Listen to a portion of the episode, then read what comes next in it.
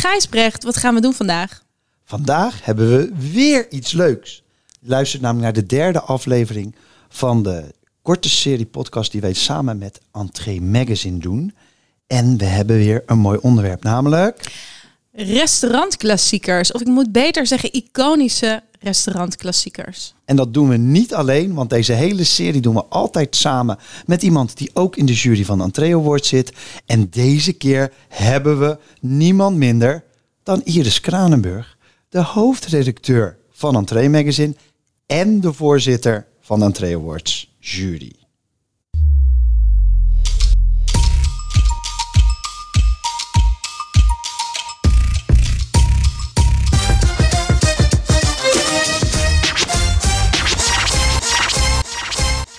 Kader van de Entree Awards 2023 werkt Backlekker samen met Entree Magazine, het mediamerk voor horeca professionals.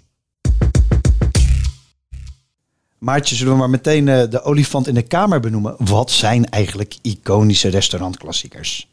Ja, wij vinden dat het zaken zijn die sinds jaar en dag bestaan. En waar iedereen eh, van zegt, als je aan deze zaken denkt, daar wil je een keer gegeten hebben of een keer geweest zijn. Ik denk persoonlijk ook meteen aan het woord brasserie. Ja, en het zijn zaken die misschien wel bij het meubilair van de stad horen. Dus ehm, ja, een plek verdiend hebben waar je eigenlijk niet omheen kan. Waar iedereen wel een keertje langs gaat. Ik moet denken in mijn eigen stad, eh, Hotel New York bijvoorbeeld. Ja. Of in Utrecht de winkel van Sinkel. Maar jij komt natuurlijk uit Arnhem, eh, Maartje. Wat zou het in Arnhem zijn? Nou, ik moest meteen denken aan restaurant Rusticana in de Arnhemse Bakkerstraat. Eh, dat is echt zo'n tijdloos Italiaans restaurant met op de menukaart dingen zoals een hele lekkere truffelpasta waar mensen echt wekelijks of maandelijks voor terugkwamen. Een hele mooie kreeft. Weet je wel, eh, gewoon een hele fijne wijnkaart. Eh, de focaccia was fantastisch. En het grappige is, ik heb daar een, eh, een tijdje gewerkt. En die eigenaar Luciano, die wou me eigenlijk niet aannemen. Want na die zomer ging ik stage lopen bij de Libreien. En hij snapte er eigenlijk niks van wat ik daar te zoeken had. Maar het was zo'n leuke zaak. Oké, Ja. nou. En jij? Nou ja, eh, ik wil eigenlijk van Iris vragen, want we hebben Arnhem te pakken, Ja. Rotterdam te pakken, maar we hebben ook Leiden, want Iris komt uit Leiden. Ik weet niet, zijn er iconische klassiekers in Leiden, Iris? Die heb je zeker, want ik denk wel dat elke stad in Nederland zijn eigen klassiekers heeft. Maakt niet zo uit waar je bent. Elke stad heeft er een. Dus ook Leiden heb je bijvoorbeeld eh, Café de Werf. Is een bekende, bestaat al heel lang. Is ook een hele toegankelijke zaak waar veel mensen heen gaan. Maar goed, dat heb je in, eh, in elke stad. Ja. Hey, en Iris, we hebben jou net al kort geïntroduceerd als eh, hoofdredacteur van eh Entree Magazine en voorzitter van de jury van de awards. Veel mensen kennen jou ook als het gezicht van, eh van Entree Magazine. Je reist heel Nederland door, je schrijft veel artikelen. Ehm, wij dachten, veel mensen zullen jou kennen als het gezicht van, maar we dachten wel lekker om even te beginnen met even een goede guilty pleasure. Of is er iets wat je met de luisteraars wil delen wat mensen misschien nog niet van jou weten? Ja, mensen noemen het een guilty pleasure. Maar dat guilty mag er van mij vanaf. Want ik vind het heerlijk om naar de McDonald's te gaan. Maar ik schaam me er ook niet voor. Oh, nee. Dus daarom Je mag het guilty er wel af van mij. Ja. Maar ik vind het heerlijk. Grote friet, mayo, grote milkshake, hamburgertje. En ik ben helemaal blij. Altijd als afsluiting van je vakantie, toch? Onder andere. Oh, onder andere. Heerlijk. Hey, en nu eh, is eh, de restaurant eh, Classics dus ook een aparte categorie voor het eerst, als ik het goed heb, bij de Entree Awards. Oh. Eh Gijsbrecht, heb jij nog een mooi verhaal bij dit eh, Ja, ik heb, onderwerp? ik heb een super snobby verhaal hierbij, maar ik wil het jullie toch niet onthouden. Ik was, ehm denk 10 of 15 jaar geleden alweer, was ik in Chicago. En daar heb je de Drake. En dat is eigenlijk het meest eh, befaamde hotel van Chicago. Vergelijk met het Waldorf Astoria in New York bijvoorbeeld. Echt alles plusje, alles 100 jaar oud. Je weet niet waar je moet kijken. Weet je wel waar, waar Jay-Z en Beyoncé gaan slapen als ze ergens gaan slapen? Nou, ik was daar eh, op uitnodiging van mijn goede vriend Milan.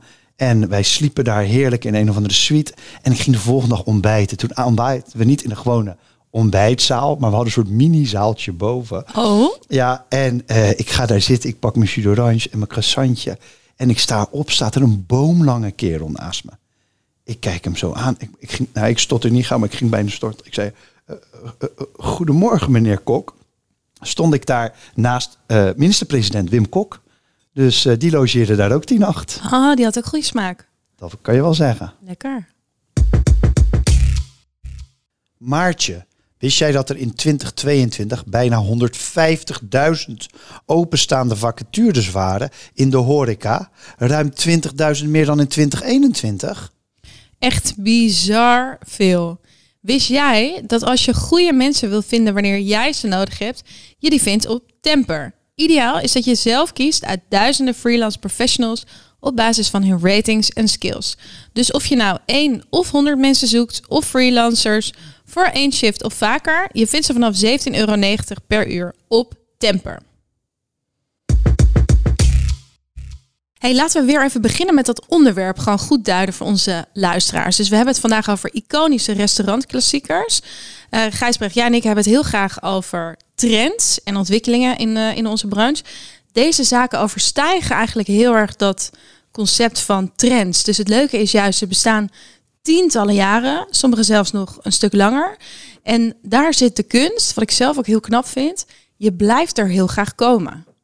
Ja, er zijn een paar eh, elementen die eigenlijk, wat mij betreft dan, hè, een iconische klassieker of een iconische restaurantklassieker maken.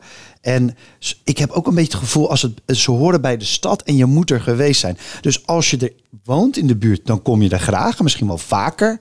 Hè, dus dan, dan loop je even binnen voor een kop koffie of wat dan ook. Maar als je niet in die stad woont, dan moet je er eigenlijk even langs gaan. Weet je wel, denk aan de La Coupole in Parijs of Cats in New York, weet je wel. Um, en ten tweede, ze bestaan niet voor niks zo lang. Ze doen iets gewoon heel goed. Dus los van die reputatie die ze hebben, wat natuurlijk al heel bijzonder is, is eigenlijk alles goed aan die horeca. Dus je, het menu is goed, de bediening is geweldig, het ziet er fantastisch uit, het zit op een fijne locatie. Eigenlijk alles klopt er. Ja, ik vond het ook mooi dat jij zei van het heeft bijna iets geruststellends, dit soort zaken. En toen dacht ik, nou, ik, heb ik meteen heel erg een beeld bij. Wat voor mij ook heel iconisch is aan deze zaken, is daar kom ik weer, maar toch die kaart. Ik denk dat heel veel mensen ook terug blijven komen bij dit soort zaken. Voor bepaalde, echt hele bepaalde gerechten. Je hebt je zekerheidjes Toch? waar je gewoon terug ja. kan vallen. Ja. ja. nou en ik denk, um, het lekkere ook is dat in het geweld en alle creativiteit in, in de horeca nu, wat fantastisch is, hebben we natuurlijk ook heel veel kortstondige food hypes. En dit soort zaken, die, ja, die, die zijn dus echt trendoverstijgend, generatieoverstijgend. Dus ik kan me ook echt voorstellen dat je gewoon terugkomt voor bepaalde dingen op de kaart. Dus de perfecte steak tartaar, een heel goed gebakken broodje. Dit hoor je dus heel vaak. Hè? Dus dat ja. letterlijk wat jij zei, mooi, generatieoverstijgend. Ja. Dan hoor je dus dat mensen daar met hun opa of oma heen gingen. Of dat opa en oma er al kwamen, of vader en moeder. En dat nu de kinderen er ook komen. Um, ja, ik vind, ik vind dit type horeca ook heel belangrijk. Hè? Met de buik hebben we er extra aandacht voor. Mara Grim heeft er in, de, in het parool extra aandacht voor één keer per maand. En eigenlijk hadden wij eerder, jij en ik, het eerder dit jaar over. Dit past ook zo goed bij entree. En misschien ook wel bij de entree awards. Hè? Wat, uh, waarom verdienen deze zaken nou een podium bij de entree awards volgens jou? Nou, Entree Magazine besteedt heel veel aandacht aan nieuwe zaken. Jullie hebben het vaak zelf over hysterische horeca. Nou, dat spat er aan alle kanten vanaf. Is het een trend of niet? Dat is de vraag. Maar bij dit soort zaken kijken we daar inderdaad niet naar. Is het een trend? Jij noemde net ook al, het is alles overstijgend. Hoe knap is het als jij als ondernemer al ruim 25 jaar je zaak van ochtends vroeg, want ze zijn vaak al met ontbijt open, tot aan s avonds laat, misschien nog een beetje nacht meepakt, maar dat het de hele dag draait, de hele dag reuring, energie, de hele dag lopen mensen naar binnen en naar buiten. Krijg dat maar 25 jaar lang of langer voor elkaar, met alle crisissen die er ook uh, geweest zijn, ja, dan ben je wel een baas als, uh, als horeca-ondernemer. En dat is niet bij iedere zaak zo die nu opent. Want dan gaat alles om concepten. En dit is eigenlijk, als je het concept moet omschrijven van een iconische horecazaak, dat kan bijna niet, want er hangt geen concept aan vast. En juist dat is het knappe, dat ze het vol weten te houden nu, maar ook straks. Mooi gezegd. Ja, heel mooi gezegd. En ik moet zeggen, hoe jij hem omschrijft, dat is precies ook wat ik af en toe een verademing vind in de, in de horeca van nu. Dus dat je gewoon weet van oké, deze zaken zijn er altijd. Uh, het is bijna een beetje anti-TikTok. Dus we, we zijn ook allemaal heel erg gewend om Uh, of heel in de Randstad denk ik heel veel mensen die houden van goed eten, die houden van de horeca, die werken allemaal van die lijstjes af. Ben je hier al geweest? Ben je daar al geweest? En dan is het ook zo lekker dat je gewoon op vrijdagavond uh, bij Kradam, Café Restaurant Amsterdam, neerstrijkt voor een bitterbal. En vervolgens eet je per ongeluk vier gangen, omdat, omdat het gewoon zo zalig is. Um, ja, ik vind het dus nog, nog één ding wel heel grappig, omdat het voor mijn gevoel ook heel erg past bij dat post-corona gevoel. Dat we toch op sommige momenten gewoon zin hebben om beter te weten van wat kan ik verwachten, wat krijg ik, uh, hier ben ik aan toe. Uh, dus je weet gewoon, als ik hierheen ga, heb ik gewoon een topavond. Ja, wat ik hier nog aan wil vullen, um, en wat ik er mooi van vind, als je dan met de horecaondernemers praat en ze openen een nieuwe zaak, dan is ook wel vaak de ambitie. Dat, dus ja, ik zou wel een nieuwe, ik zou wel iets als La Coupole of ik zou wel iets als Hotel New York. En soms noemen ze die namen, soms niet. Maar eigenlijk, als ze serieus zijn, dan willen ze zo'n type zaak hebben. Nou, zo'n klassieker word je natuurlijk niet zomaar. Dus ik kan me voorstellen, mooi wat jij zegt, Gijsbrecht. Hè, iedere ondernemer droomt daarvan, maar daar ben je niet binnen een jaar of binnen twee jaar.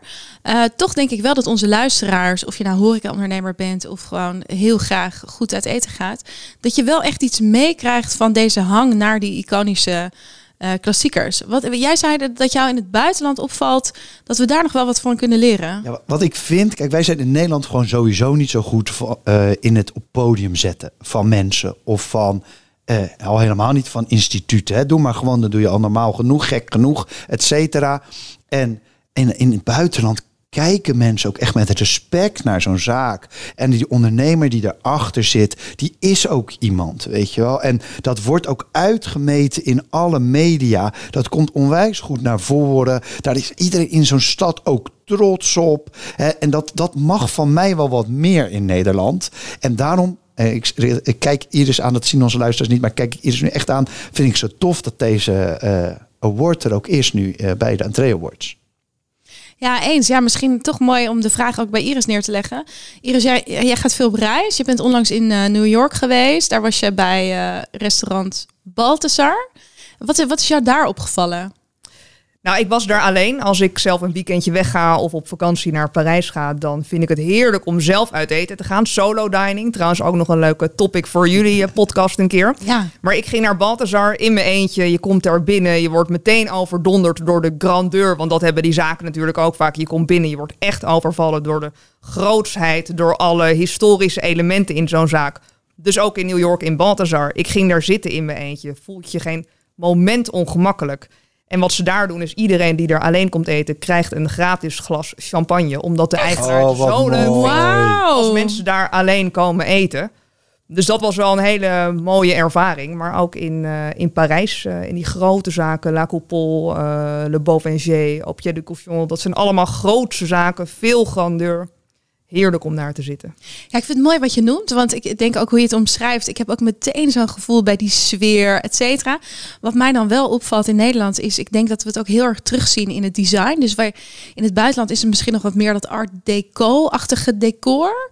Wat mij in Nederland Klopt. opgevallen. Het is, het is natuurlijk ook de, de eerste soort van hoogtij van de horeca was natuurlijk rond die tijd, ja. vorige eeuw. Dus daar ja. komen ook veel van de iconen vandaan. Nou, en we hebben het dus nu over, hè, wat betekent dit nou voor de branche? Wat ik dus wel zie is dat dat design, dus dat we weer terug mogen naar een hele mooie, maar simpele houten stoel, simpel wit gestreken linnen, mooie wijnglazen op ja, tafel. Je ziet de nieuwe generatie horecazaken, ja. wat natuurlijk al heel lang geleden begon, pakt weer terug naar die brasserie-stijl van vroeger, zoals Rijssel ooit uh, begonnen is. Ja, dat zie je nu natuurlijk ook uh, steeds meer. Maar wat je ook ziet is in Parijs, het personeel wat daar rondloopt dat is echt zo begaan met die horecazaak. Daar wil je werken. Er zijn vaak wat oudere mensen, mensen die er echt voor gaan, die trots zijn op hun beroep. En dat is hopelijk iets waar de Nederlandse horeca ook weer naartoe kan werken. Dat mensen die er op de vloer staan, die bedienen, die ook echt weer trots zijn op de zaak. En nou ja, dat dat echt een uithangbord is van hier wil je werken. Heeft ook alles te maken met goed werkgeverschap natuurlijk. Ja. Wat er wel is in Nederland, maar dat mag natuurlijk nog wel uh, her en der wat, uh, wat beter. Mooi. Laten we nog even een blik werpen op de toekomst ook. Hey Gijsbrecht, wat verwacht jij van deze ontwikkeling zoals we hem nu hebben omschreven ook voor de toekomst van de horeca? Ik moet een beetje denken, we hadden natuurlijk ook een, eh, een, een opname met uh, Ron Simpson over de historisch, eh, historische horeca. Hysterische horeca, dit is de, de historische ja. horeca. We hebben ook de hysterische horeca.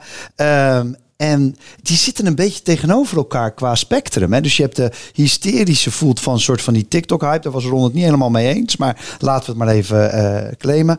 En aan de andere kant heb je die, die, ja, die iconische klassiekers. Maar die toch hebben ze wel wat gemeen met elkaar. Want het is bij allebei de type zaken. Als je binnenkomt, dan word je echt al verdonderd door wat je ziet. Maar dat geldt dus ook voor die iconische horecazaken. Zijn groots, hebben mooie elementen. Maar dat hebben de hysterische horeca natuurlijk ook. Dus toch leuk dat ze ja, en, en wat mij opvalt, je, je, je hebt helemaal, eh, voor veel van die zaken herken ik, is dat nu veel nieuwe zaken, ook die hysterische horeca, voor een deel terugpakken op inderdaad die Beaux-Arts-periode, de Jugendstil-achtige. Dus er zit inderdaad wel een synergie in. Ja. Maar wat ik nu veel hoor, en dat, daarom vind ik die blik naar de toekomst ook wel interessant, is dus ik heb echt al een afgelopen half jaar een paar ondernemers gesproken die letterlijk zeiden van ik ben nu niet iets aan het neerzetten voor de volgende TikTok-hype. Ik ben, ik probeer met enig respect iets neer te zetten voor de komende 50 jaar. Of ik hoop, en ik heb het echt gedaan, dat als ik al lang in mijn graf lig,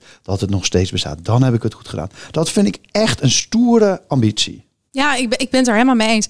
Ik vind sowieso uh, het mooie is dat daar ook de grilligheid uitgaat van wat je ook wel in veel horeca ziet. Hè? Dus dat volgens mij uh, overleven de meeste concepten uh, vijf, tot zes jaar.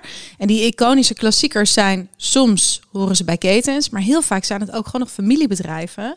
Uh, en waar mijn hart dan sneller van gaat kloppen, is dat er ook per definitie vaak wat meer duurzaamheid in zit. Of de gedachte van hè, hoe kan dit nog generaties lang mee? Hoe kunnen we generaties lang uh, ons gedachtegoed overbrengen? Wat ik nog een hele interessante vond, nog één ding over blik, uh, blik op de toekomst.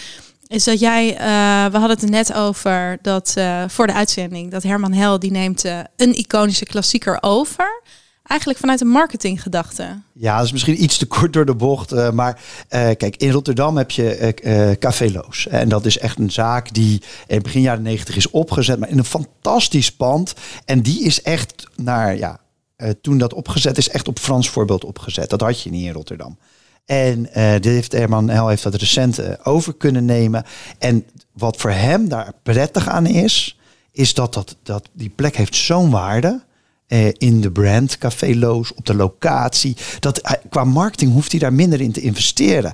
Eigenlijk werkt dat al voor hem. Als hij dat maar gewoon goed blijft doen, als hij maar niet in de fik laat lopen, zeg maar, in de soep laat lopen, dan is dat fantastisch voor hem. En ik geloof juist dat iemand als Herman Hel heel erg de waarde van merken kent en herkent. En het dus ook daarom uh, zo daarnaar kijkt en misschien zo'n overname doet. Ja, maar toch denk ik dat dat niet voldoende is. In het geval van Loos uh, gaat dat natuurlijk heel erg goed. Maar het is niet zo als je een zaak overneemt dat je puur kan draaien op de naam. Er zit natuurlijk veel meer achter een goed werkgeverschap. Toch meegaan met de tijd. Ondanks dat het historische zaken zijn, moet zo'n kaart natuurlijk ook enigszins meegaan met vega, met vegan en alles wat daar omheen zit. Dus het is niet alleen puur de naam, er zit veel meer omheen. Ja. Ik denk dat er genoeg voorbeelden zijn van uh, iconische klassiekers die ergens in het moeras beland zijn en waar nooit iemand meer wat van hoort. Deze aflevering wordt mede mogelijk gemaakt door Colibri HRM, de pedelspecialist voor de horeca. Colibri is marktleider en jouw betrouwbare partner voor al je personeelszaken. Kies dus voor tijd en geld besparen. Kijk op colibri.nl. En door Coppa Cocktails. Premium cocktails makkelijk te serveren. Bijvoorbeeld hun bestseller de Mojito. Coppa Cocktails. World's best cocktails. Just add ice en ga naar coppacocktails.com. Voordat we naar onze tips gaan, noem ik nog even kort alle genomineerden voor de Entree Award in deze categorie. En die zijn sowieso allemaal enorm de moeite waard. Dat zijn namelijk Café Restaurant Amsterdam, Loos en de Dok in Rotterdam, het Voorhuis in Emmeloord en het Gouden Hoofd, de oudste herberg van Den Haag.